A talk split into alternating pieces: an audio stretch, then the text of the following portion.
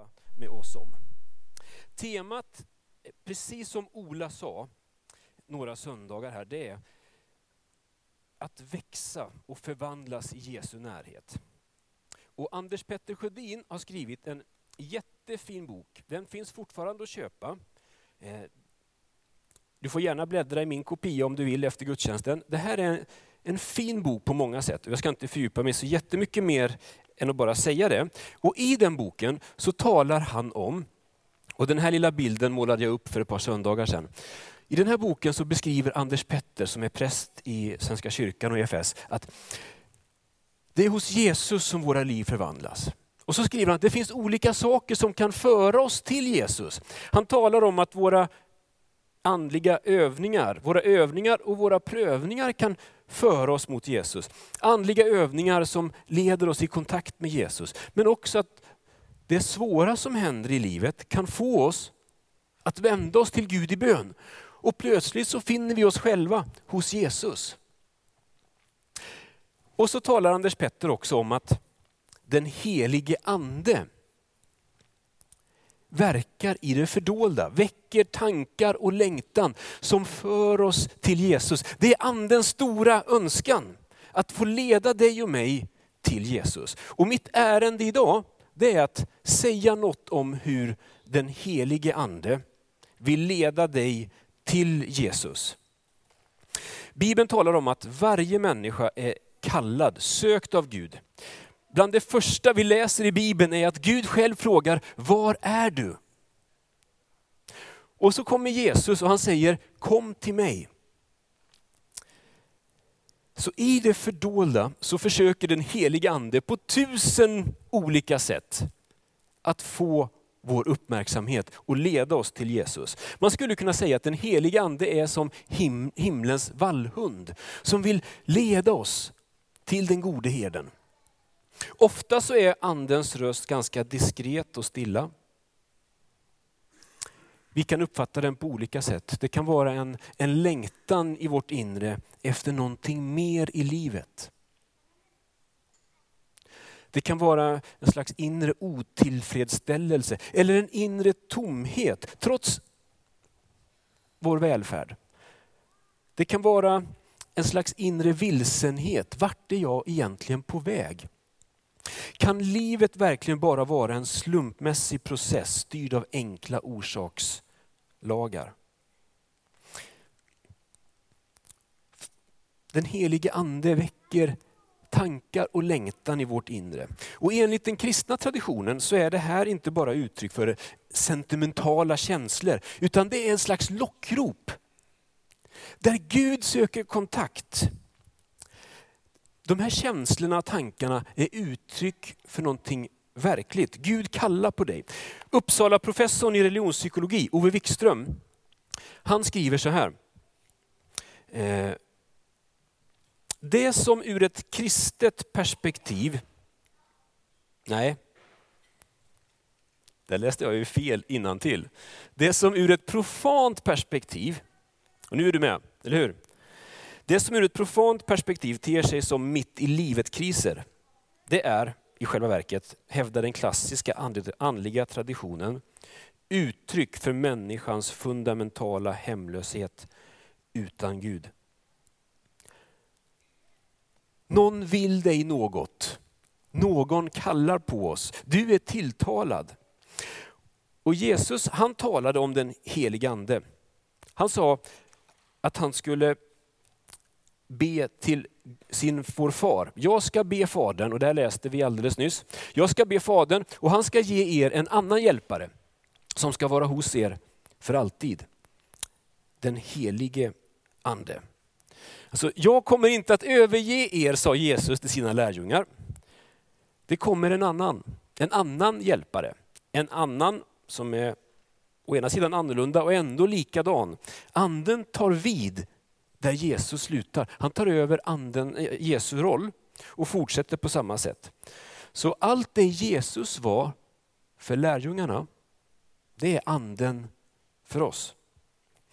Jesus hade varit lärjungarnas hjälpare och med honom vid deras sida så hade de här enkla männen och kvinnorna klivit fram och varit med och utfört underverk. Och allt det Jesus var för dem, det är den helige ande för oss. Anden är hjärtats vän, säger en norsk katolik. Jag tycker det är vackert. Anden är hjärtats vän. Anden är vår hjälpare. Och det där en annan hjälpare, hjälparen, det grekiska ordet parakleton kan översättas som hjälpare eller som tröstare. Det är vad den heliga ande är. Rådgivaren, det är vad den helige ande är. Förkämpe är också någon som står upp för dig. Allt det här är den helige ande för oss. Allt det här var Jesus för lärjungarna. Allt det här är Gud för oss. Och den som har varit i Guds närhet, i närheten av Jesus eller den helige ande, kommer att känna sig styrkt i sitt inre. Det är ett tecken på att du har varit i Gud den heliges närhet.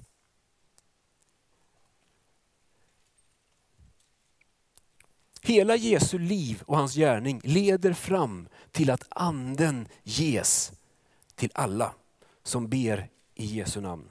Och den text som vi framförallt förknippar med att anden kommer till de troende, det är ju det som Ola var inne på, det vi också touchade förra helgen. Det är Apostlagärningarna kapitel 2.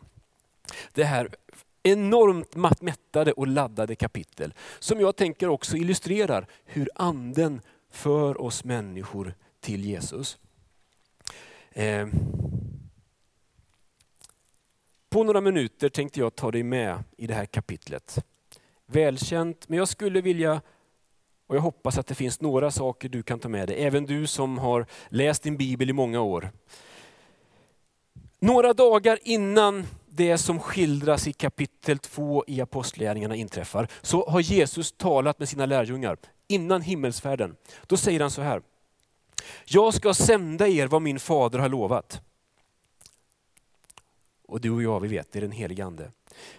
Jag ska sända er anden. Men vadå? Jo, ni ska stanna här i staden tills ni har blivit rustade med kraft från höjden. Spring inte bara runt, stanna upp. Och det är precis vad lärjungarna gör. Vänta, sa Jesus, och det är det de gör. De väntar och ber. Och när det väntade inträffar, då blir alla överraskade. För det var så mycket större än vad de hade kunnat föreställa sig. Vänta och be. Och plötsligt kommer han, den oväntade gästen, den stora överraskningen, hjärtats vän, den helige ande. Och jag tar mig friheten att läsa från Bibeln. När pingstdagen kom så var de alla samlade. Och då hördes plötsligt från himlen ett dån som när en våldsam storm drar fram. Och det fyllde hela huset där de satt. Tungor som av eld visade sig för dem och fördelade sig och satte sig på var och en av dem. Alla uppfylldes av den helige Ande. Och när det händer så börjar de tala om Jesus. När anden kommer, då bubblar hjärtat över och de minns ju och vill ju berätta om Jesus. Och i Jerusalem bodde fromma judiska män från alla folk under himlen. När dånet hördes så samlades folkskaran och alla var skakade eftersom var och en hörde sitt eget språk talas. Men är de inte galileer alla de som talar? Hur kan då var och en av oss höra sitt eget modersmål? Vi är parter, meder, elamiter. Vi bor i Mesopotamien, Judeen, Kappadokien. Vi bor i Pontus, i Asien. Vi bor i Frygien och Pamfilien, Egypten, några i trakterna kring Kyrene i Libyen. Ja, vi är inflyttade från Rom. Vi är vi är judar och proselyter, kretensare och araber. Ändå, ändå hör vi dem tala på våra egna språk om Guds väldiga gärningar. Och de var alla häpna och förvirrade och frågade, vad kan det här betyda? Men några sa hånfullt, de har druckit sig fulla på sött vin.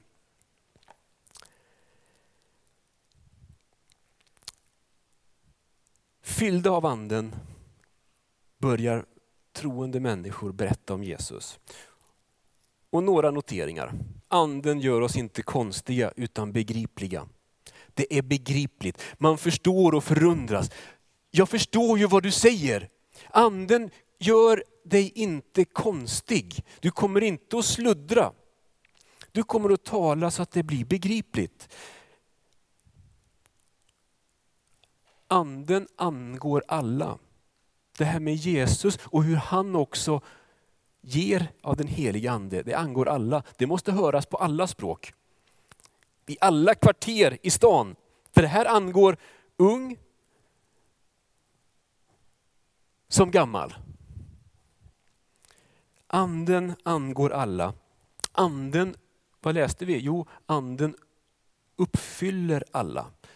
Det här återkommer i kapitel 2 som vi läste, i kapitel 4, 9, 13. Samma grupp, men anden uppfyller. Och när anden kommer till de här försagda lärjungarna så fylls de av frimodighet. Och de fylls av en omtänksamhet, av en medkänsla. Det är profeten Hesekiels ord som går i uppfyllelse. Att Gud ska byta ut stenhjärtat och ge dig ett mjukt, pulserande, levande hjärta. Gud kommer med kraft och med kärlek och med kreativitet. Och på tusen olika sätt så gestaltas och uttrycks de goda nyheterna att det finns liv hos Jesus. Och på tusen olika sätt så står de troende och pekar med andens hjälp mot Jesus. Så jag tänker att överallt där anden får fritt spelrum, där hamnar Jesus i centrum. För det är det som är andens längtan, att pusha dig och mig. Vänligt, men ibland ganska bestämt, till honom som är våra själars herde och vårdare. Som kan ge hjärtat och sinnet och själen ljus, ork, frid, liv. Så uppfyllda av anden så börjar lärjungarna inte bara prata om sina egna andliga erfarenheter, utan om vem? Jo, Jesus. Och Det här är ju precis det Jesus själv redan har sagt, att när hjälparen kommer, den helige ande, som Fadern ska sända i mitt namn, då ska han lära er allt och påminna er om allt jag har sagt. Allt ljus kommer att falla på mig. Och Det är ju det som händer. Petrus kliver fram, uppfylld av allt det Jesus har sagt och gjort. Och så börjar han säga, hörni, det är inte som ni tror. De här männen är inte berusade, det är ju bara morgon. Som om det skulle varit annorlunda om det var kväll. Men nåväl, det är inte som ni tror. Eh. Och häng med nu.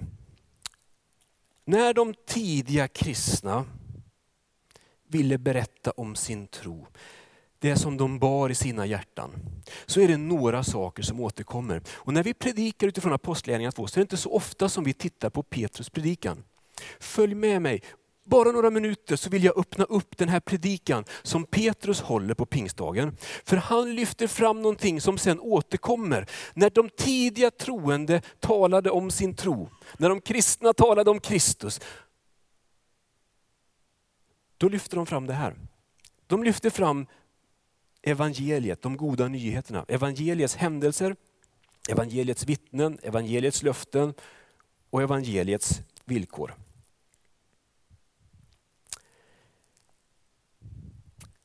Evangeliets händelser, det är där det börjar. Inte med Petrus egna erfarenheter. Han börjar berätta om Jesus. Han återberättar historien om Jesu liv och tjänst.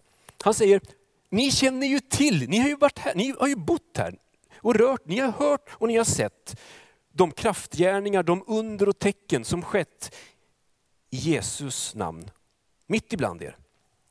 Men tyngdpunkten när han berättar om Jesus, det är framförallt Jesu lidande och död. Och det här var ju bara några veckor tidigare. Han, Jesus Kristus, utlämnades efter Guds plan och beslut. Och ni lät laglösa spika fast och döda honom. Han berättar om Jesu lidande och död. Men, säger han, Gud har uppväckt honom och löst honom ur dödens vånda eftersom det inte var möjligt för döden att behålla honom. Jesu död och uppståndelse lyfts fram och betonas. Det är centralt, det är avgörande. Den kristna tron har en tydlig historisk förankring. Det är inte bara i hjärtats känslor. Det är någonting som har skett i historien. Jesus blev lagd i en konkret grav. Och vid ett visst klockslag, en viss dag, så lämnade han graven i härlighet. Det här är sant. Det här kan vi vittna om. Vi, är vitt, här, vi, har, vi kan berätta om det här. Vi är ögonvittnen. Alltså, med risk för sina liv så intygar lärjungarna sanningshalten i evangeliets kärnhändelser. Vi kan vittna. Vi kan vittna om det. I kapitel 2 står det. I kapitel 3 kommer det tillbaka. I kapitel 5 så är de där igen och säger, vi har varit med. I kapitel 10 igen. Men det är inte allt säger de. Det här som vi har varit med om, det var förutsagt av profeterna. De är också vittnen, fastän de levde långt tidigare. Det vi har varit med om, det var förutsagt av gamla testamentets profeter, århundraden sedan. Men nu har det skett, och vi har varit med om det. Så i sin predikan så flätar Petrus in inte mindre än tre citat från gamla testamentet. Ett långt citat från profeten Joel, han har med några rader ifrån psalm 16 och 110. Profeterna och apostlarna vittnar samstämt om evangeliets händelser. Budskapet är givet, förankrat i historien, inget vi själva hittar på eller utvecklar. Utan vårt ansvar är att så sanningsenligt vi bara kan återge historien om Jesus, så som den har blivit given av de som var med som ögonvittnen. Det här har hänt, säger Petrus. Och konsekvenserna av detta är goda. Det kan tyckas som brutalt, rent av djävulskt, men ur det mörka väcker Gud liv. Och löftet, erbjudandet som ges tack vare Jesu död och uppståndelse för vår skull. Att vi räcks två fantastiskt fina gåvor. Jesus han sträcker sig emot oss och ger två ovärdeliga gåvor. Det du inte kan köpa för pengar, men du kan få ta emot det ur hans sårmärkta händer. Vad är det som Kristus vill ge dig? Jo, syndernas förlåtelse. Det är vad Petrus säger. Få av oss vill kännas vid synden. Eller att vi skulle vara syndare i behov av förlåtelse och försoning. Vi vill inte kännas vid. Men oavsett vad du säger så är det vad Bibeln säger. Att det är. Vi människor producerar en hel del skit. Och det hjälper inte att förneka det. Lämnade sopor ruttnar. Det lärde jag mig i min studentlägenhet. Och det har en andlig innebörd. Lämnade sopor ruttnar. Lite slarvigt skulle man kunna säga att evangeliet handlar om sophanteringen i livet. Och när vi kommer till Jesus så visar det sig att det där som vi reserverade oss emot, värjde oss för, att bekänna och erkänna min synd, det visar sig vara det bästa vi någonsin har erbjudit. Fastän att vi tycker att det är en katastrof, så är allt som det ska. För just det där som jag inte vill kännas vid, det vill Jesus lyfta av, befria. Han vet vem jag är och han längtar efter att jag ska bli fri från syndens börda. Och det vill han dig också. Du ska inte gå nedtyngd, utan du ska i Kristus bli upprättad, förlåten. Det är Guds goda tanke. Jesus har aldrig någonsin sett ner på dig, inte för ett ögonblick. Och om så hela världen skulle vända sin rygg mot dig, eller än värre, om ditt eget hjärta dömer ut dig, så har Jesus aldrig gjort det. Han har aldrig tänkt en förringande tanke om dig, inte ens i din värsta stund. Han har alltid sett dig som Guds älskade barn. Och han har gjort allt för att du ska få liv. Han räcker dig syndernas förlåtelse. Om vi bekänner våra synder, då tvekar inte han, utan i rättfärdighet och renhet förlåter han. Han röjer undan. Han är den store sopgubben. Och han tar inte bara bort vår synd, hur stort det än är. En liten berättelse bara som jag kom att tänka på häromdagen. Jag var på ett tonårsläger där några killar var nere och köpte cigaretter i kiosken fast de bara var 14 och de delade med andra. Och insåg ganska snart att det här har Björn fått reda på som lägerchef. Den ena av dem som hade gjort det här många gånger, han insåg att här måste vi förekomma. Så de sökte upp mig, han och hans kompis. Vi gick in på expeditionen och skulle börja prata. Och de, innan jag säger något så bara berättar de. Och vi hade ett samtal, det blev fint. Och så slutade det med att den här killen som hade bara dragits med, en fin söndagsskolpojk, liksom lättad uttryckte, åh vad skönt det känns. Varpå den här andra killen sa, det gör det alltid. Att få säga som det är. Att kliva in i den friheten. Jag behöver inte bära på det. Och när vi kommer till Jesus, då förlåter han. Vad skönt det känns. Men Jesus inte bara vill förlåta, han vill också ge dig den största gåvan en människa kan ta emot. Han vill ge den helige Ande. När han möter lärjungarna efter uppståndelsen säger han, ta emot helig ande. Ta emot helig ande. Och samma budskap förmedlas av Petrus där på pingstdagen. I vers 33. Gud har upphöjt honom, alltså Jesus, han har uppväckt honom från de döda med sin högra hand. Han har blivit upphöjd till Guds högra sida och fått den utlovade heliga anden av Fadern. Och nu har han utgjutit den som ni ser och hör. Och Det här löftet, alltså det här som gäller anden, det gäller för alla. Alla era barn och alla de långt borta som Herren vår Gud vill kalla. Så vad händer? Jo, anden leder oss till Jesus. Och när vi kommer till Jesus, då ger Jesus Alltså, då tilltar Guds närhet i våra liv och vi blir än mer uppfyllda av Gud, den helige Ande. Det är en helig paradox i det här.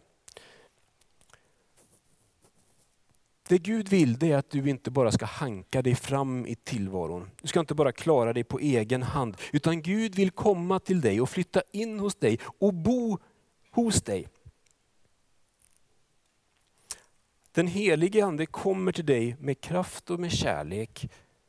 Och med Gud i närheten så fylls själen med ljus och med hopp.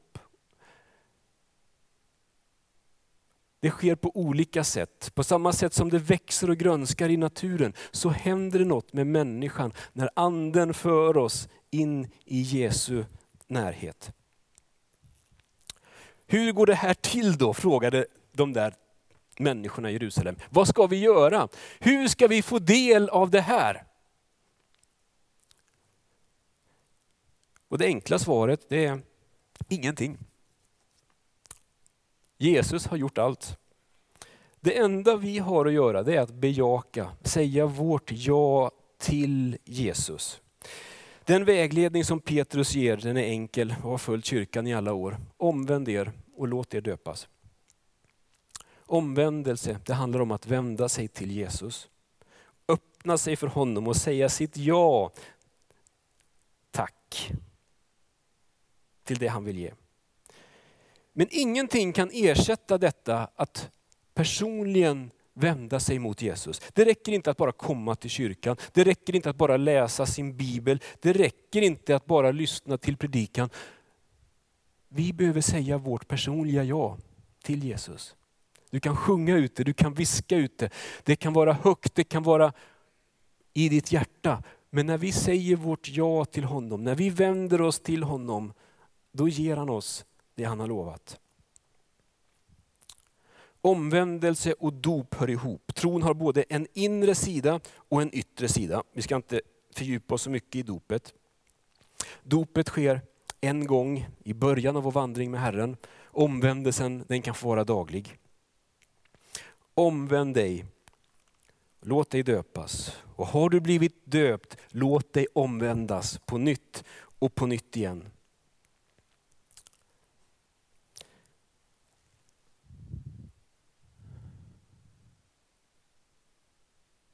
Det var min predikan idag. Gud vill att det ska växa och blomma och blomstra. Därför sänder han anden som leder oss till Jesus, som är den som kan förvandla våra liv. Igår kväll när jag satt och förberedde mig, funderade, drack en kopp kaffe, så gick mina tankar till någonting jag hörde för länge sedan. 1993, då min högstadielärare Henrik var med och gav ut en skiva. Är det någon här inne som någonsin har hört Votum? Det var det jag trodde. Har du det? Ja. 93 gav de ut en skiva. Låt din längtan föra dig närmre honom som gav sitt liv sjunger om. Musiken har på något sätt passerat bäst före-datum, så vi ska inte lyssna till den idag. Den är okej, okay, men du hittar det på Spotify. Men texten, den bär. Låt din längtan föra dig närmre honom som gav sitt liv. Låt din smärta visa dig vägen till en god och älskande Gud. Låt anden leda dig till Jesus som vill ge dig kraft att växa och en inre läkande frid. Så sjöng de 93 och så skulle jag vilja predika idag. Låt anden leda dig till Jesus den här sommaren. Ta vara på de ögonblick som finns. Göm dig inte, kämpa inte emot, stå inte emot när anden lockar på dig. Säg ditt hjärtas ja. Och det får vi göra redan nu. Låt oss stå upp. Så ska vi sjunga någon lovsång tillsammans. Och så ska vi be. Och vi gör så att vill du komma fram så är det inget ljus som brinner just nu, men någon mötesvärd kan tända ljuset i ljusbäraren. Så kan du också